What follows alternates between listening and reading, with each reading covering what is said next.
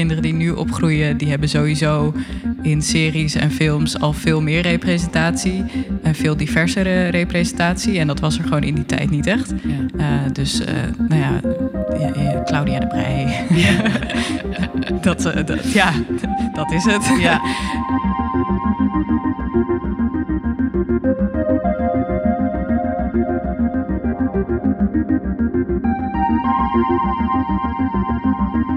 Welkom bij Progress Podium. Tijdens deze aflevering geven we podium aan een gast die zich hard maakt voor queerrepresentatie in de cultuursector. En dat is hard nodig. Hoe neemt onze gast ruimte met betrekking tot het onderwerp en wat is de uitkomst hiervan? We gaan erachter komen in deze aflevering. Deze keer is de gast Eva van Netten, artistiek leider van Welcome to the Village, programmeur Explore the North en Roze Zaterdag Leeuwarden 2021. Daarbij is ze ook muzikant.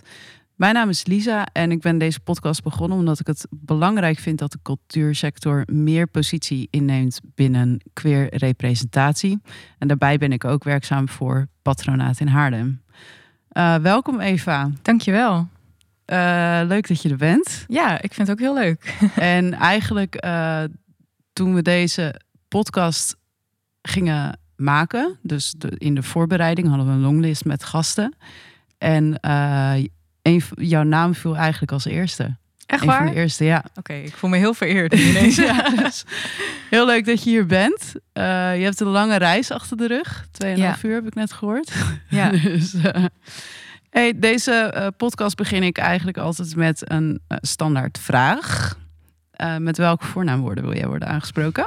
Meteen de allermoeilijkste vraag. of ja, moeilijk. ik weet het niet zo goed. Ik vind dus eigenlijk zij, zeg maar, is prima. Zij, haar. Um, maar hen is ook wel prima. Um, maar soms voel ik ook gewoon niet zoveel voor allemaal, alle voornaamwoorden. Dus dan maakt het me eigenlijk niet uit. Behalve dat ik zo net in de trein zat na te denken. En toen dacht ik, oh ja, als iemand me als hem of hij aan zou spreken... dan zou ik me toch een beetje aangetast voelen in mijn vrouwelijkheid. Ja. Uh, op een of andere manier. Um, dus misschien, misschien dat gewoon niet. Ja. En de rest, prima. En hoe uh, voelt het voor jou als jou zo'n vraag wordt gesteld als die ik net stelde? Ja, ongemakkelijk wel. Ja? Omdat ik het dus zelf niet zo goed weet. Ik heb niet één uh, heel duidelijk antwoord uh, daarop. Dus dan, ik ben een beetje zo zoekende. En, ja. en tegelijkertijd maakt het me dus ook niet heel veel uit. Ja. ja. En, en, voel je de vraag dan als on, onprettig? Of... Nee, uh, nee, dat niet. Want ik denk juist dat het goed is dat die vraag gesteld wordt. Omdat, omdat die eigenlijk bijna nooit gesteld wordt of zo. En, uh, of het is in ieder geval niet zo gangbaar nog om dat aan mensen te vragen. Uh, en het kan wel veel helpen om iemand beter te begrijpen. En, en iemand prettig te laten voelen in een situatie. Dus eigenlijk heel goed om te doen. Ik, ik ben zelf heel benieuwd naar jouw achtergrond en hoe dat verloop is gegaan naar je huidige carrière. Mm -hmm. Uh, dus ik zou daar graag uh, een beetje met je in willen duiken. Uh, ik liet net al vallen dat je 2,5 uur hebt gereisd. Klopt. waar ben je opgegroeid? Vertel het. nou, ik kom nu vanuit Leeuwarden gereisd. Ja. En daar ben ik ook opgegroeid. Um, en dat is heel leuk. Ik, heb, ik bedoel, ik ben prima opgegroeid. ik wilde altijd heel graag weg uit Leeuwarden. Toen ik zo een beetje middelbare school ging afronden, dacht ik: oké, okay, ik moet hier weg. En ik wil naar ergens waar uh, iets te beleven is. En uh, ik wilde heel graag die muzieksector verder. En ik dacht, oké, dat is hier helemaal niet. Uh, totdat daar een opleiding begon, dat heet de Academie voor Popcultuur. En toen heb ik me daarvoor ingeschreven en toen was ik aangenomen. en heb ik, dat, heb ik daar eigenlijk een best wel goede tijd gehad om mezelf te ontwikkelen. ondertussen ging ik er ook heel veel op uit. We waren best wel veel op tour met, met de band. Het ging hartstikke goed. Dus ik was eigenlijk altijd heel veel onderweg. En ik had dan Leeuwarden als een soort van thuisbasis om, uh, om naar terug te komen. Um, en toen dacht ik weer, ik moet hier weg. toen ik bijna klaar was met die opleiding.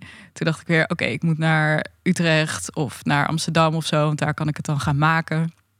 Dat was een beetje mijn beeld daarbij. Um, maar toen rolde ik eigenlijk vanuit die opleiding, uh, toen ik klaar was, best wel snel in de culturele sector in Leeuwarden. Die eigenlijk ook net aan het beginnen was daar. Dus we begonnen daar met Podium Asterix. Dat bestond net als een underground uh, independent podium. elke vrijdagavond drie bands, uh, 5 euro. Dat was eigenlijk het concept. in een heel vet zaaltje in een oude, oude gevangenis. En toen kwam ik daarin terecht. Toen mocht ik meedenken over het programma. Was allemaal vrijwillig trouwens. En ehm, eh, ja, toen heb ik daar gewoon heel veel mensen ontmoet die heel leuk zijn. Waar ik nu nog steeds vrienden mee ben. En waar ik ook nog steeds mee werk. En vanuit daar begonnen we Welcome to the Village. Uh, eigenlijk weer een van de eerste popfestivals in Leeuwarden en omgeving. En uh, dat was natuurlijk heel spannend. Niemand wist wat hij aan het doen was. Maar we hadden wel ineens een editie met 3000 mensen wat uitverkocht was. En ja. toen dachten we, oh, dit gaat eigenlijk best wel goed. Um, en van daaruit is dat een beetje verder ontwikkeld eigenlijk. En ja, zo, zo ben ik daarin gerold. En dat klinkt een beetje privileged of zo. Maar uh, ja, ik heb daar gewoon uh, ja, mijn mensen gevonden en, en, en het werk gevonden wat ik leuk vind. Um, toen heb ik mezelf daar kunnen en mogen ontwikkelen. Altijd binnen het programma, dus ik was altijd wel artistiek bezig. Ja. En uh, uh, ik zat dat een beetje op de rand tussen programma en productie. Uh, want ik vond het ook leuk om dingen te regelen. En heel lang programmacoördinatie gedaan voor zowel Welcome to the Village als Explore the North. En um, ja, dus ik mocht eigenlijk gewoon het programma sturen, wat ik gewoon heel leuk vind. Ja. Uh, en toen de artistiek leiding overgenomen voor Welcome to the Village afgelopen jaar.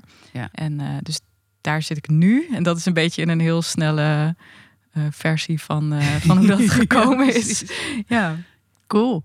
En um, we gaan het zo gaan we iets meer induiken op, op je werkzaamheden. Waar ik voornamelijk mega benieuwd naar ben, is um, hoe het was om als kind op te groeien in, in Leeuwarden. Gezien ja. je achtergrond. Ik weet niet of je daar iets over kwijt wil. Ja, nou, dat is wel interessant. Um, want ik zei dus een paar keer van ik wilde daar eigenlijk weg. En ja. dat was omdat ik dacht, oké, okay, hier is niks te behalen. En ik moet naar, uh, ik moet naar uh, een andere stad, naar de Randstad of zo. Want daar is het allemaal. Um, maar ik kwam er wel steeds meer achter dat juist die omgeving heel veel te bieden had, omdat er niks was. Ik weet niet of ik dat als kind zo heb ervaren. Uh, toen was ik daar natuurlijk nog niet zo mee bezig. Maar achteraf, als ik er zo op terugkijk, denk oh ja, daar was gewoon heel veel. Daar is gewoon heel veel vrijheid om nog te ontwikkelen. Uh, en ik denk dat dat wel heel belangrijk is om beetje jezelf te kunnen vinden. Um, aan de andere kant is er weinig, als we het over dit onderwerp hebben, is er weinig representatie in een regio zoals Leeuwarden en Friesland. Uh, dus ik had niet. Ik, ik heb daar niet echt een community, of ik had niet echt een community, ja, een queer community. Want tussendoor, jij um, identificeert jezelf ook um, als iemand die behoort tot die community, toch? Ja, ja. ja dat klopt. voor de ja. luisteraars. Ja, voor de luisteraars. um, ja. ja. dat klopt. En, en, en ja, opgroeiend heb je dat niet per se. We hadden het daar ook niet heel veel over. Er is niet heel veel op school aandacht aan besteed aan, uh, uh, aan gay zijn of zo. Uh, maar ik denk dat dat voor heel veel scholen geldt. Ik denk dat het in de Randstad niet per se anders was geweest. Mm -hmm.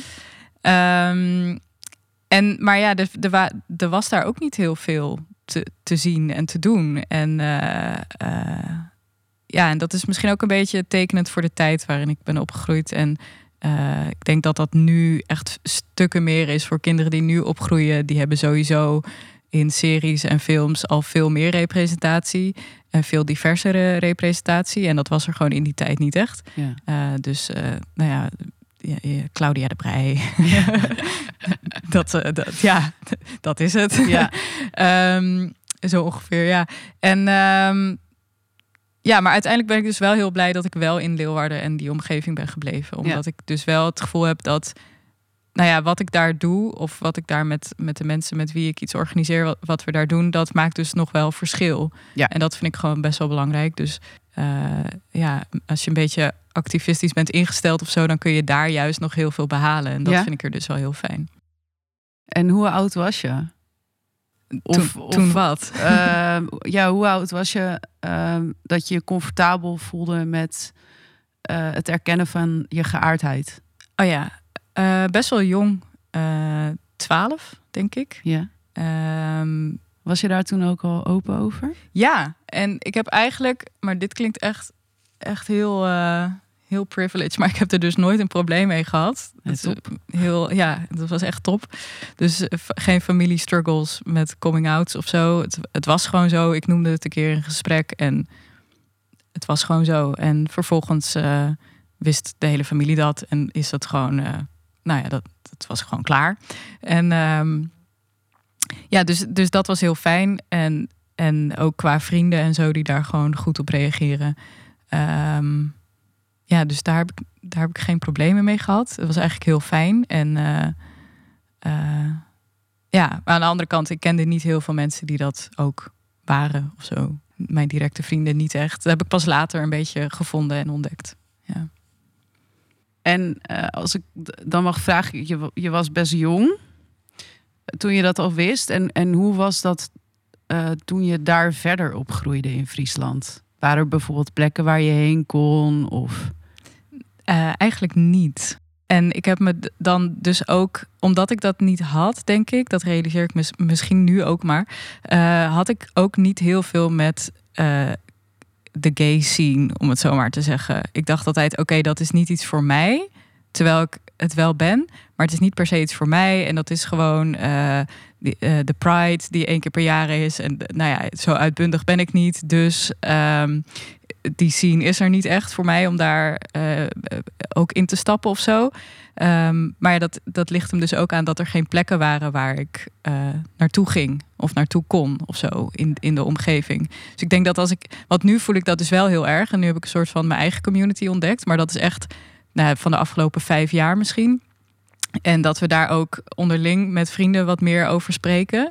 Eh, maar ja, dus ik heb ook eh, een hele lange tijd dat niet gehad. En dacht, oké, dit is gewoon niet voor mij. Ik bedoel, ik ben gay, maar ik heb er verder niet echt een scene. En eh, het is gewoon wat het is. Niet, niet om heel tragisch te klinken of zo, maar meer van, ja, dat, dat was er gewoon niet. En, en, ehm, eh, maar ik zie nu wel de... Ik, ik voel het nu wel heel erg. En ik denk nu, oh ja, zo'n community eh, voelt ook wel heel belangrijk of zo. En het voelt ook heel belangrijk om daarin in die omgeving iets mee te gaan doen en dat verder uit te werken. Omdat je wel merkt, met hoe meer mensen ik daarover spreek, hoe meer mensen ditzelfde zeggen van, oh ja, we hebben nergens om ons te verenigen of om naartoe te gaan, terwijl ze daar wel allemaal behoefte aan hebben. Dus iedereen is een soort van los. Dus er, eigenlijk zou er een scene kunnen zijn, maar niemand weet elkaar nog echt ergens te vinden. Klinkt een beetje als Haarlem. Ja, nou ja. Misschien eh, moeten we er samen in optrekken of zo. ja, precies. Wel 2,5 uur reistijd, maar kunnen we het over hebben. Wat voor eh, positiviteit heb je daar dan uiteindelijk weten te halen? Want in je verhaal eh, lijkt het inderdaad alsof de afgelopen jaren wel wat leuker is geworden daar. Ja, ja. En hoe, hoe is dat ontstaan? Nou, ook wel een beetje door het werk wat ik mag doen bij Welcome to the Village. En, en de vrijheid die je daar krijgt in een soort van speeltuin of zo. En, en dat we ook met z'n allen hebben uitgesproken dat, dit belang, dat het belangrijk is om eh, om- eigenlijk om onderbelichte verhalen eh, op een podium te hijsen. Dat is eigenlijk wat we doen. En daar is dit er één van. Dus het queer zijn, het, het je, je bewegen buiten de binaire hokjes, het anders kijken naar eh, hoe je in het leven staat, zeg maar. Ehm, eh, dat proberen we bij Welcome to the Village bijvoorbeeld heel erg voorrang te geven of op een podium te zetten. Ehm, en ja, mede daardoor heb ik dat ook wat meer kunnen omarmen of zo in mezelf, denk ik. Dus doordat ik met andere artiesten kon gaan werken, eh, die ik ook een voorbeeld vond voor mezelf bijvoorbeeld, of waar, waar ik tegenop keek, of waarvan ik dacht, die hebben echt een mooi verhaal of die staan ergens voor. Door, dus door het werken daarmee heb ik ook, denk ik, in mezelf iets gevonden waarvan ik eh, denk, oh ja, ik, ik, heb dat, ik heb dat ook, of ik voel me Ja. daar ook mee eh, verbonden. En ja, daar heb ik ook mijn vrienden ook wel eh in gevonden of zo. En daar, daar is dan een beetje die community in ontstaan. En dat we nu ook met z'n, met z'n allen wel eens op een, op een zondagavond zitten en zeggen: Oké, we, moeten, we moeten werken aan die representatie. Wat gaan we doen? Weet je wel, dat we bijna een soort van activistisch clubje zijn begonnen. Wat Ja. heel leuk is, omdat het ook een hele leuke avond is. En tegelijkertijd je spreekt over wat Mhm. kunnen we hier veranderen. En eh, En vanaf welk moment heb jij die ruimte gekregen bij Welcome to the Village? Mm, misschien een beetje geleidelijk of zo, maar ik denk dat het een beetje tegelijkertijd opliep met eh, het hele eh, verhaal over eh, gendergelijkheid op podia in festivals. En dat, dat toen dat aan het licht kwam en ik daar me best wel hard voor heb gemaakt of zo, dat dat eigenlijk een beetje gelijk opging in, in, in ja, wat, wat vertellen we eigenlijk en wat is er belangrijk en hoe, gaan we, hoe programmeren we eigenlijk. En dat we ons daar allemaal veel bewuster van werden. Ik denk dat dat heel erg heeft geholpen daarin. En wat zorgde ervoor dat je daar bewuster van wilde zijn? Wat was de aanleiding uiteindelijk? Nou, omdat het gewoon niet uh, klopte. Ja. Het klopte niet. En ergens wisten we dat ook wel. Maar toen, een paar jaar geleden, uh, was het gewoon een soort van openbaar gemaakt door, uh, door, door collega-boekers. het ging echt om een tweet, zeg maar, met iemand die zei: Oké, ik heb even alles geteld. En dit is de, de genderverdeling op, de, op het podium. En, en wij stonden daar ook niet echt goed op als festival zijnde. En dat wisten we ook eigenlijk wel. En toen zijn we echt meteen eigenlijk gaan zeggen... oké, dit moet anders, maar we weten nog niet hoe. Maar uh, laten we ermee aan de slag. En, um, en dan ga je het gewoon hebben over... oké, maar hoe werken we eigenlijk met elkaar? En, en uh, ja, wat vinden we belangrijk om te laten zien en op welke plek? En, en toen kwam ook eigenlijk wel een beetje naar voren van oké, uh, toen was een hele discussie over laten we 50-50 line-ups doen. Ja. En toen waren wij eigenlijk een soort van oké, maar er bestaat niet zoiets als 50-50.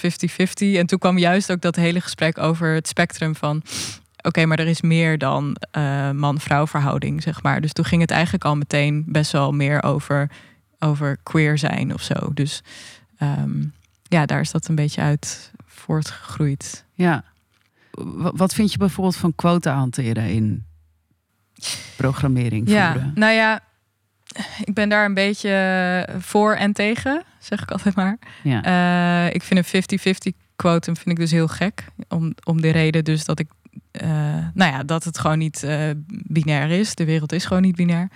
Um, maar ik vind wel dat een quotum stellen kan wel een tool zijn om het om, om iets aan te zetten en om, om je eh, de manier waarop je werkt gewoon te kunnen veranderen.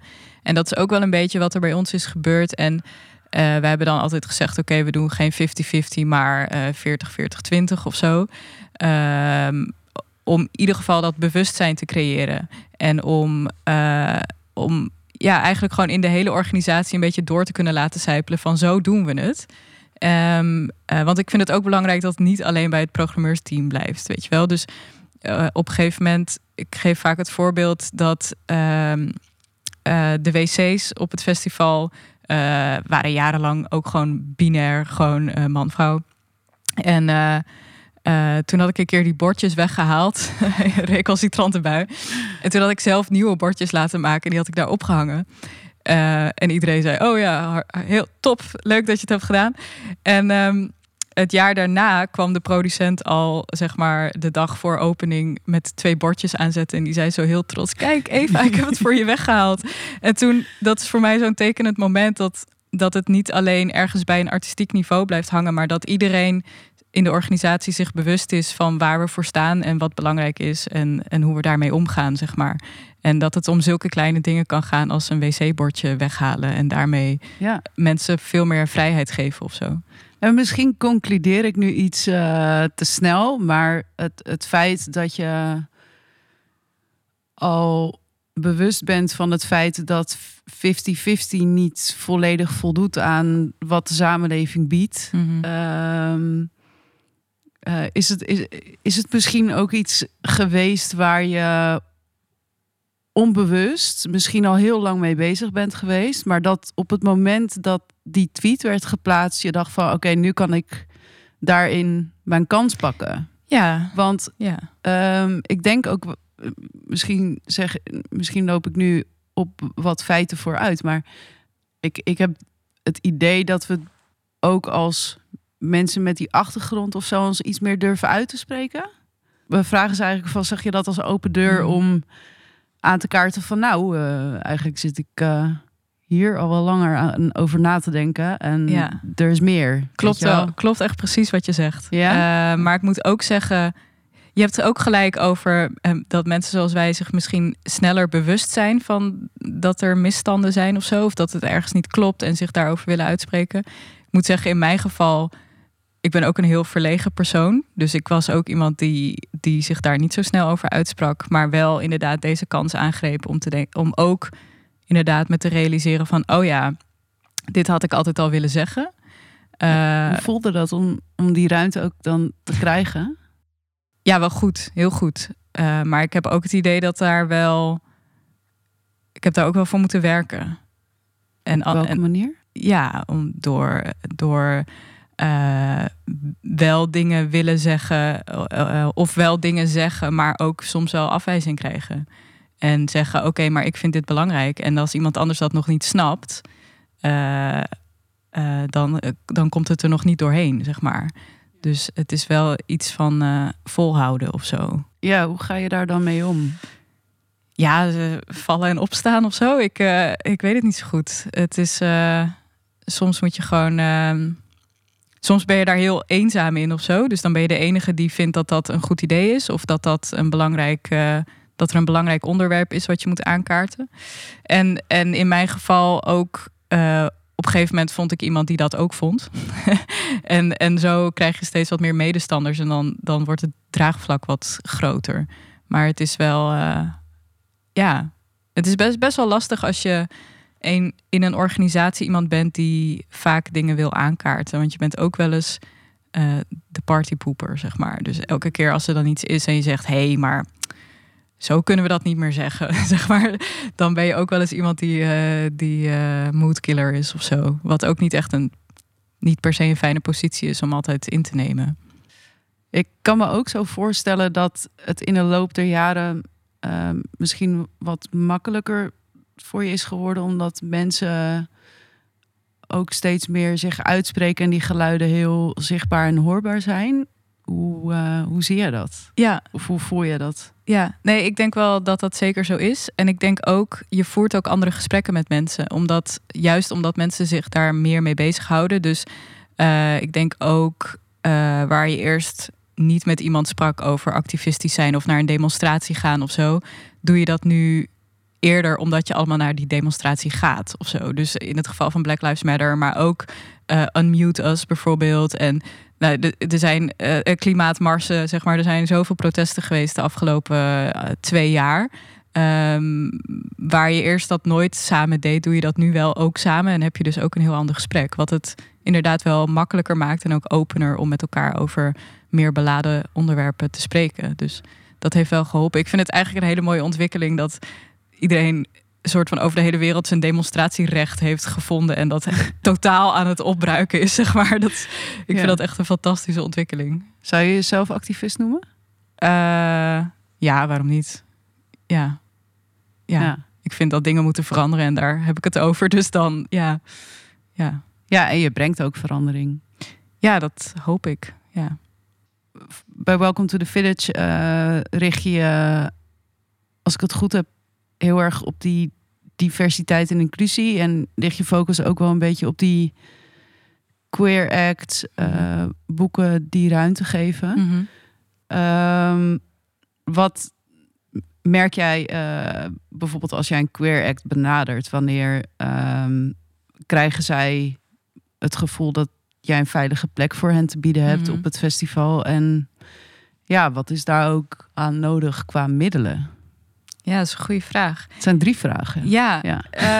Um, ik denk dat het gaat over persoonlijke relaties. Want veel van de, van de artiesten en uh, queer artiesten en queer acts die, waar we mee werken, hebben ook best wel een persoonlijke relatie mee. Dus dat gaat veel minder over. Hier is een transactie, ik boek een, een, een act en uh, hier is je geld en andersom. Uh, maar het gaat veel meer over wie ben je, wat wil je, wat wil je komen doen, zeg maar. Dus dat is een heel andere verhouding. Uh, ik denk dat dat heel erg helpt om ook hen het vertrouwen te geven dat je de juiste omgeving creëert om, uh, om hun show neer te zetten, bijvoorbeeld. Um, en het werkt ook weer uh, dat als je dat een paar keer hebt gedaan en je bent met een volgende artiest in gesprek en zij zien de referenties van oké, die en die en die presenteren ze ook en dat doen ze op die manier, dat dat ook weer helpt om dat nou ja, om, om die veilige plek te laten zien. Hoe kwam, hoe kwam de realisatie van ik wil minder transactiegevoel, meer persoonlijk gevoel. Ik denk dat dat best wel in, in ons uh, DNA zit of zo. We werken best wel veel op die manier. Niet altijd. Maar, en ook niet alleen maar met Queer Acts, maar ook best wel veel met andere met ander programma. Uh, dus we hebben een we investeren heel veel in scenes, noemen we dat dan. Dus dat is eigenlijk kijken waar gebeurt er iets in welk land. Wie, wie is er interessant. Best wel veel focus op, uh, op uh, Centraal- en Oost-Europa. en daarin kijken we gewoon, oké, dit zijn interessante mensen. Die maken het verschil in hun stad of in hun omgeving of in hun land. zijn vaak ook wel vrij activistisch. en wie hangen daar allemaal omheen, zeg maar.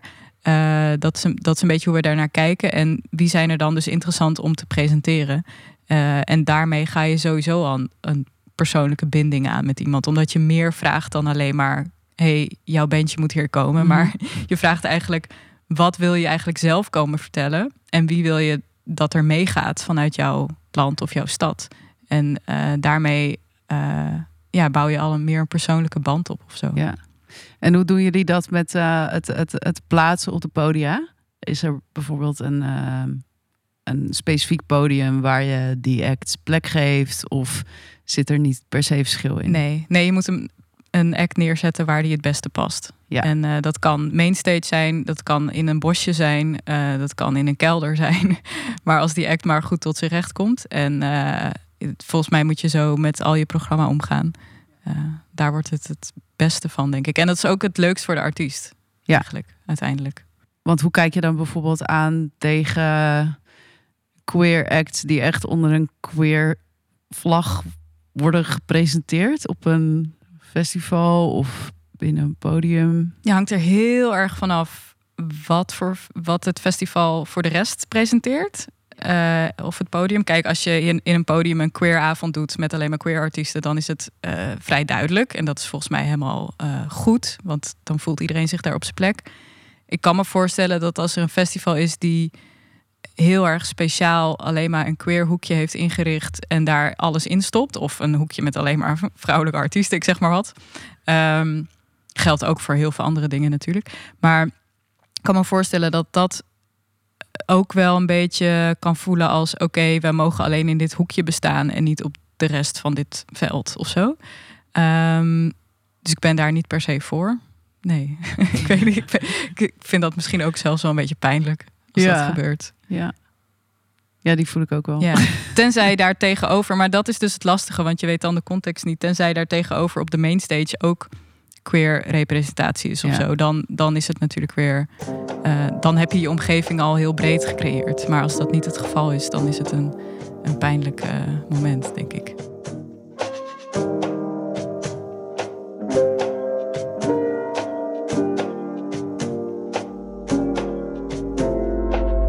Zijn we nu aangekomen bij de Frank Ocean rubriek. Een terugkerende rubriek waarin um, we even in gaan duiken op uh, welke representatie fijn was om te voelen. Uh, in mijn geval was dat in 2012 toen Channel Orange van Frank Ocean uitkwam. Um, vroeger was het op tv uh, heel veel stereotypering waar ik me niet in kon vinden als queer persoon. En toen Frank Ocean die plaat uitbracht, had hij daar een notitie in zitten waarin hij openlijk uitkwam, uh, voor uitkwam beat zijn. En de manier waarop hij dat omschreef, kon ik me heel erg in herkennen. En daar haalde ik super veel uh, steun uit. En ik zag ook even een beetje het plezier terug. Dat het ook gewoon wel leuk is. Hoewel ik toen in een kast zat nog, waar ja, die die notitie heeft wel voor gezorgd dat ik het gevoel kreeg van, oh, het is niet alleen maar stom, het is ook gewoon mooi en leuk. Ik ben Eva heel benieuwd naar wie voor jou heel belangrijk was als rolmodel, uh, queer representatie. Kan je ja. eens vertellen? Ik denk verschillende personen in verschillende fases, maar uh, ik denk de meest belangrijke eh, is en blijft toch Christine in the Queens. Ja. Ehm, wat eigenlijk best wel laat in mijn leven kwam of zo. Want ik was al uh, 25, al 25. Wow. toen, uh, uh, toen dat een beetje begon, of toen ik dat ontdekte of zo. En voor mij is het gewoon iets waar, ik bedoel, zij, ik weet niet of ik nog zij mag zeggen, ik weet het eigenlijk niet zo goed of hen, als artiest ontwikkelt zich en tegelijkertijd ontwikkel ik mij of zo. En dat gaat een soort van gelijk op. Dus of eigenlijk loopt zij een beetje voor op, op waar ik dan later van realiseer, oh, zo voel ik mij ook. Uh, en dat was gewoon heel fijn om te merken. Uh, dus dat eerste album heb ik ook helemaal plat gedraaid. destijds ontdekte ik dat met, met mijn toenmalige vriendin. Hebben we dat helemaal plat gedraaid op een roadtrip. Waar we toen net op... We gingen op vakantie, deden een roadtrip. En toen hadden we net die plaat ontdekt. Dus die, die hebben we ook helemaal plat gedraaid. En um, ja, vanaf daar is dat een beetje gaan ontwikkelen of zo. En ben ik dat gewoon, heb ik me altijd heel erg verbonden gevoeld met die artiest. Uh, zowel op artistiek vlak, omdat ik dacht, oké, wat jij doet is gewoon fucking vet. Want het is niet een liedje, maar het is gewoon een compleet verhaal. Wat, wat constant op dat podium uh, eigenlijk uitgespeeld wordt. Uh, maar ook in de soort van identiteit. En dat zie je door al die albums heen. Dus eerst ging het heel erg over een soort van neutraliteit dus, uh, en, en daarna ging het heel erg over het vinden van je masculiniteit.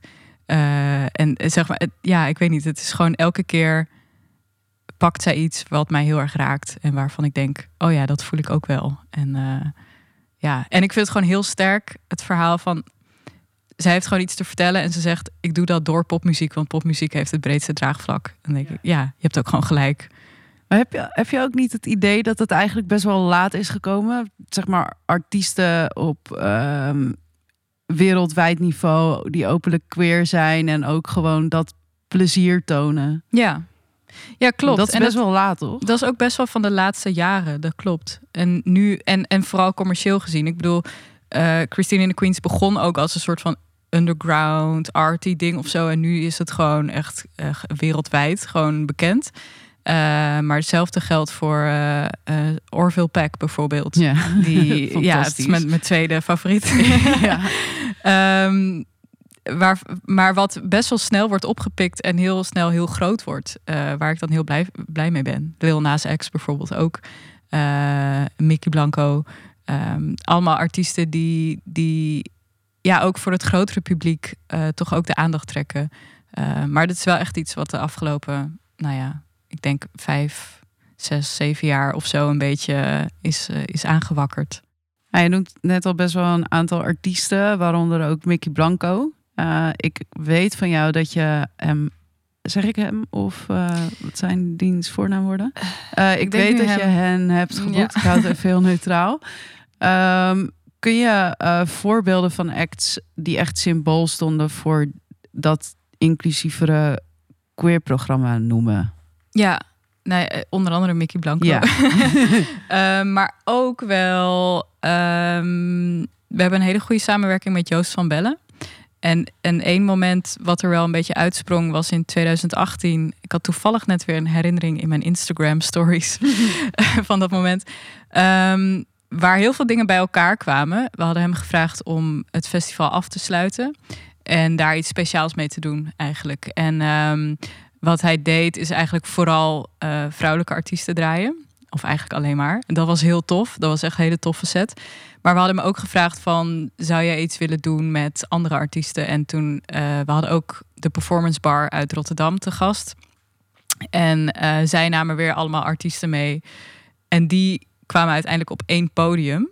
En dat was een heel erg queer representatief safe space eigenlijk die daar uh, gewoon de slot-act stond uh, vorm te geven. Volledig geïmproviseerd trouwens. Ze kenden elkaar nog niet. Het was vijf minuten voor het podium. Hallo, hallo, ik ben die. Uh, laten we een mooie show met elkaar gaan maken. En dat was gewoon heel tof, want het voelde echt als een soort van moment van, van eenheid of zo. en hij sloot af met Dolly Parton, I Will Always Love You. En dat was gewoon echt een soort van tranentrekker. Waarbij iedereen dus helemaal soort van met elkaar verenigd was. Zowel op het podium als in het publiek.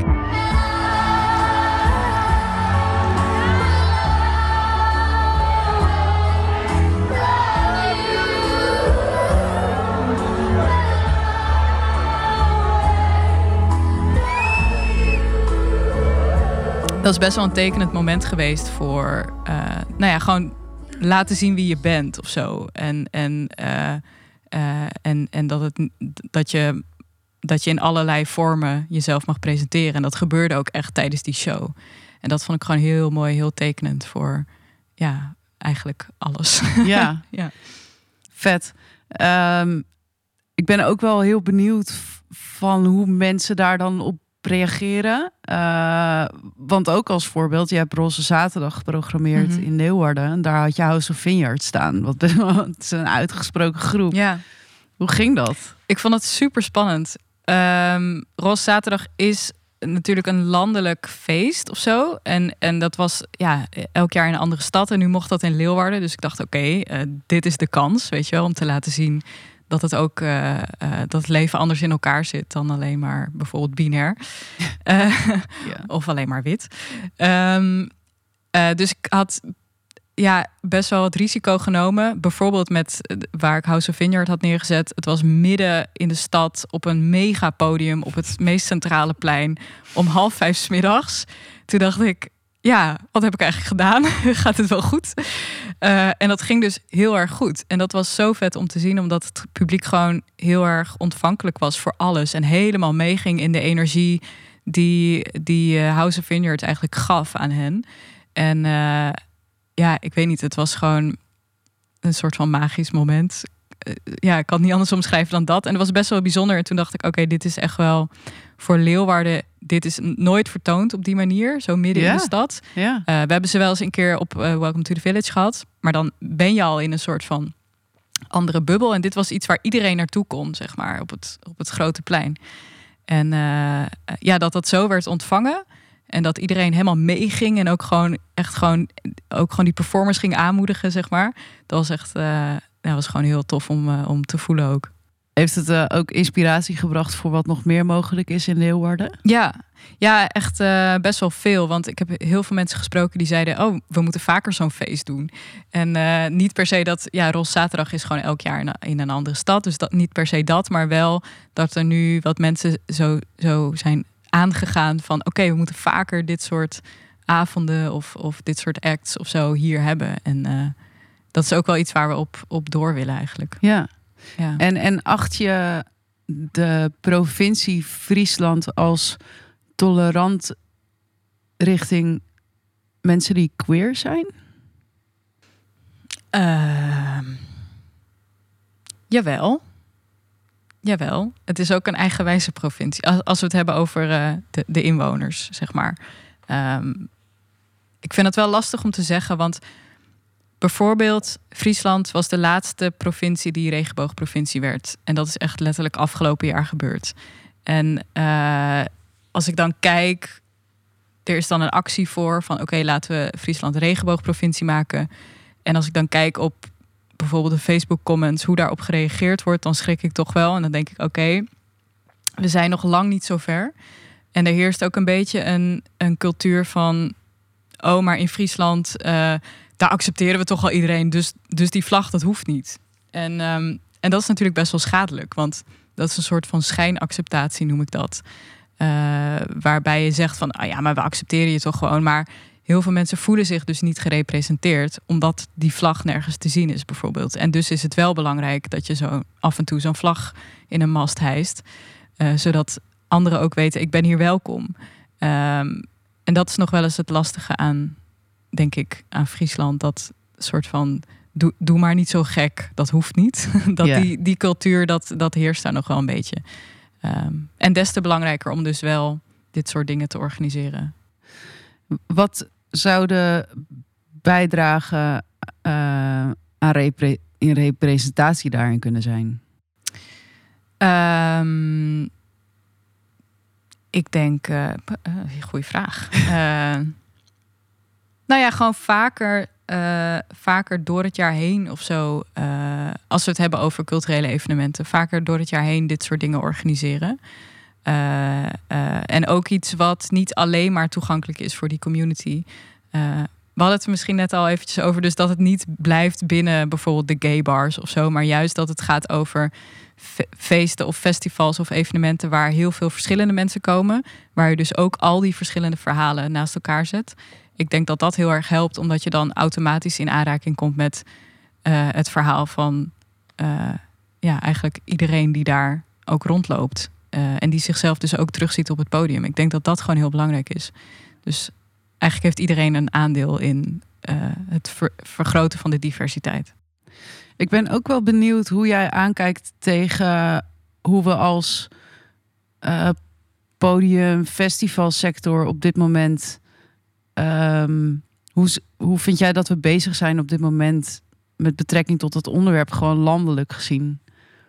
Hoe vind je dat het gaat? Nou, beter dan tien jaar geleden. Ja. uh, het feit dat wij dit doen of zo, deze podcast, is daar al een voorbeeld van. Uh -huh. uh, ik denk gewoon dat het gesprek al veel meer gevoerd wordt in organisaties en, uh, in, en binnen podia, binnen festivals. En misschien zie je dat niet altijd aan de buitenkant terug op bijvoorbeeld een line-up of zo. Uh, maar ik denk het feit dat er meer over gesproken wordt en dat mensen zich daar hard voor maken, dat er misschien iemand opstaat vanuit de organisatie die ook zegt: hey, maar ik vind dit belangrijk, want het gaat ook over mij. Ja. Uh, ik denk dat dat een heel goede ontwikkeling is. En ik hoop dat dat nog meer uh, gebeurt. En mensen daar ook, uh, ja, die, dat, dat ze ook zichtbaarheid krijgen. En dat dat ook doorstroomt in bijvoorbeeld een line-up of in hoe een organisatie eruit ziet. want daar valt ook heel vaak nog wel wat te behalen. Um, ja, ik zie wel positieve ontwikkeling. maar ik zie ook dat er gewoon nog veel kan gebeuren. En even de glazen bol erbij pakken. Uh, over vijf jaar, waar hoop jij dan dat we als sector staan? um, nou, mijn wens is dat we het gesprek niet eens meer hoeven te voeren. Ja. Maar dat is misschien wel heel, heel utopisch. Um, nou, ik hoop, ja, ik denk dat meer mensen zich gerepresenteerd gaan voelen in ook grotere festivals. Dat is ook wel een beetje mijn hoop. Uh, en in podia. Um, en wat daarvoor nodig is, is denk ik een verandering aan de achterkant. Dus dat je, dat je je organisatie anders inricht en andere mensen de ruimte geeft. Omdat je, je kan ook niet zelf de expert zijn in alles. En ook zelf alles willen veranderen. Dus ik denk ja. dat je op bepaalde vlakken moet je andere mensen aan het woord laten en hen uh, het werk laten doen. Goeie. Ja. We gaan ermee aan de slag. Heel goed. Um, we zijn aan het eind gekomen van de podcast. Okay. Zijn er nog dingen die jij graag wil zeggen? Is er nog iets dat je de luisteraars mee wil geven? Ja, uh, nou misschien. Uh, we hadden het in de, in de tussengesprekken over queer joy. Uh, ja. Wat ik een hele mooie term vind, die ik misschien nog wel gewoon even wilde noemen. Ja. uh, en Wat houdt het in? Nou, dat het gaat over eigenlijk over de, de leuke kant van queer zijn. En, en ook, ook als we het hebben over representatie, dat het heel erg kan gaan over: oké, het is er gewoon. en het is leuk om, om queer te zijn en om een queer community te hebben. en het is niet alleen maar. of ja, er wordt heel vaak als het hebben over films en series en, en andere media-uitingen, wordt er heel vaak de nadruk gelegd over op de struggle die het met zich meebrengt.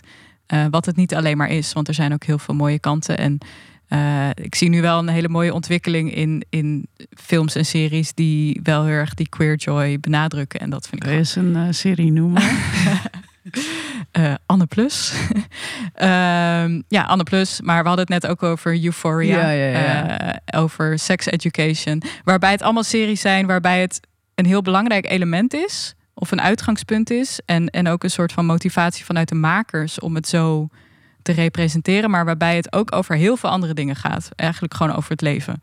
En dat vind ik er dus heel fijn aan. En dat het dus niet een probleem is dat je uh, gay bent of zo. Of queer bent. Maar dat dat gewoon een gegeven is en daar gewoon goed op gereageerd wordt en dan de, het leven weer verder gaat. Ja, ja. ja te gek. Ik, uh, ik ben ervoor. Ik ook. Misschien is dat uiteindelijk ook iets om nog toe te voegen aan het vijfjarenplan dat over vijf jaar ook meer eh, queer joy voelbaar is in de cultuursector. Ja, dat zou echt super mooi zijn. Ja. Als mensen zich gewoon vrij voelen om te zijn wie ze willen zijn. Ja. Eh, en dat daar niet eh, moeilijk over gedaan wordt. Nee. Nee. nee, voornamelijk ook dat dat dan. dat, dat, dat we uiteindelijk daar naartoe kunnen gaan. Dat we dat ook dan delen met onze collega's die niet per se tot de community behoren. Ehm, dus dat het, het is niet alleen maar moeilijk gedoe als we het erover hebben. Er zitten ook heel veel leuke kanten aan. Ja. En hopelijk eh, kunnen we dat de komende vijf jaar uitstralen of zo.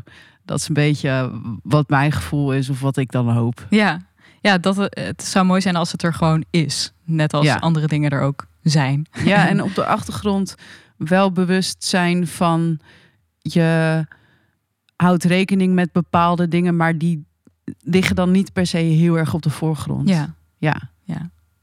Ik vind het een goede conclusie. ja ik ook. En een, en een mooi einde van een eh, heel leuke aflevering. Ik wil je ontzettend bedanken eh, voordat je hier aanwezig was. En dat je eh, een bijdrage wilde leveren aan de aflevering. Ja, dankjewel dat ik hier mocht zijn. Sowieso. Ik vond het echt heel leuk. ik ook, dankjewel. Ja. En aan de luisteraars, dankjewel voor het luisteren. Vond je deze aflevering leuk en ben je benieuwd naar de volgende? Dan kan je subscriben of abonneren op de podcast. En mocht je nou een mening hebben, kan je gewoon een berichtje achterlaten in de comments. Lezen we graag. De podcast is naast mijzelf, Lisa van der Brink, mede gemaakt met Geert Vlieger. Hij deed de productie van de show. En het muziekje aan het begin van de show is speciaal voor ons gemaakt door the one and only King of Sins, Pelle Lopik. En als allerlaatste, zonder patronaat had deze aflevering er niet geweest. Dus dank je wel.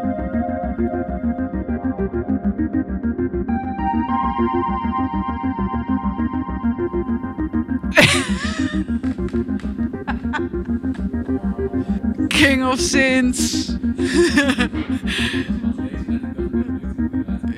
ja, goed toch? Ja. Dankjewel.